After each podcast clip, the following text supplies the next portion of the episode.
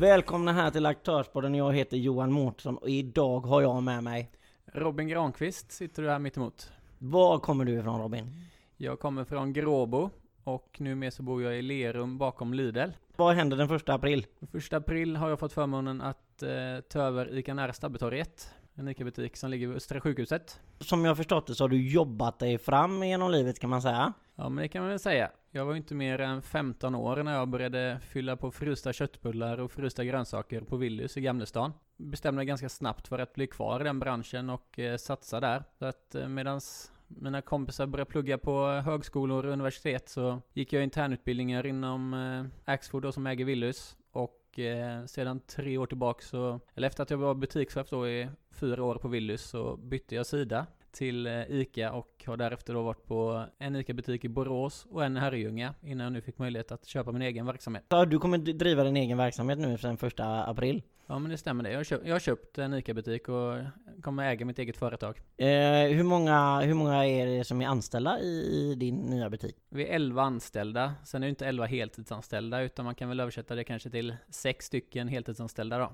Men med tanke på att vi har de öppettiderna som vi har i vår bransch så behöver vi många anställda och många huvuden. Alltså har det här varit ett mål för dig genom hela ditt liv? Ja men det har nog varit det. Eh, väldigt tidigt i alla fall. När jag var 15-16 där och bestämde mig för att satsa på branschen, det var ju på Willys som sagt var, och då hade jag inte möjlighet, eller på, på Willys har man inte möjligheten att köpa sin egen butik och bli egen företagare, men då hade jag målsättningen att bli butikschef. Men i takt med att jag avancerade på Willys och kände att, nej men, jag vill ju satsa, då, kom, då, då spände jag bågen högre och tänkte att jag skulle byta till ICA, så det var ett strategiskt beslut utav mig. Så under, under tiden då så har du ändrat ditt mål? Ja men det är väl så, så ju närmare ett mål man kommer, ju, eh, så måste man ju revidera det. Som sagt var att när jag var 16 då och bestämde mig för att bli butikschef, då var ju det ganska högt uppsatt mål. Men när jag var runt 25-årsåldern där och kände att jag kommer ju nå det målet, då var jag tvungen för att motivera mig själv att höja målsättningen ytterligare. Och då satte jag målsättningen att så småningom, och förr eller senare, bli min egen och eh, köpa en egen butik. Vad är ditt nuvarande mål nu då? Mitt nuvarande mål är ju att eh, få en större butik inom eh, ett x antal år, men eh,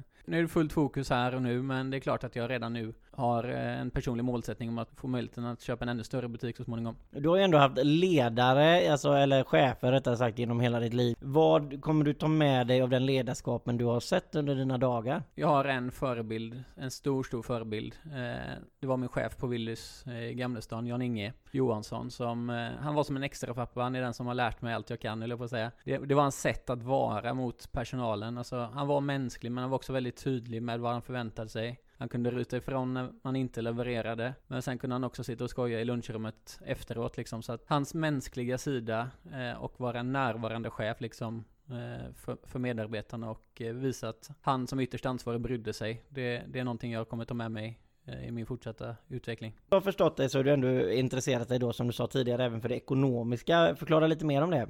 Ja men det har väl att göra med att eh, dikeskörningar men eh, som för alla människor så eh, har ju även mitt liv kantats utav motgångar. Och eh, två gånger under resan mot eh, där jag är nu så har jag faktiskt sagt upp mig utan att veta vad jag ska göra. På grund av att jag har mått dåligt på grund av eh, min jobbsituation. Och under dessa tiderna så har jag liksom förstått att man kan faktiskt göra andra saker. Man måste inte vara bunden till att jobba för någon som man inte vill jobba för. Eller man behöver inte vara bunden av ett jobb som tar alldeles för mycket tid som det varit i mitt fall då när jag har varit personalansvarig och liksom inte känt att jag haft någon fritid över överhuvudtaget. Då började jag intressera mig för hur andra lever sitt liv och kom i kontakt med en del människor som lyckats investera eh, pengar och som därmed kan leva sitt liv som de vill.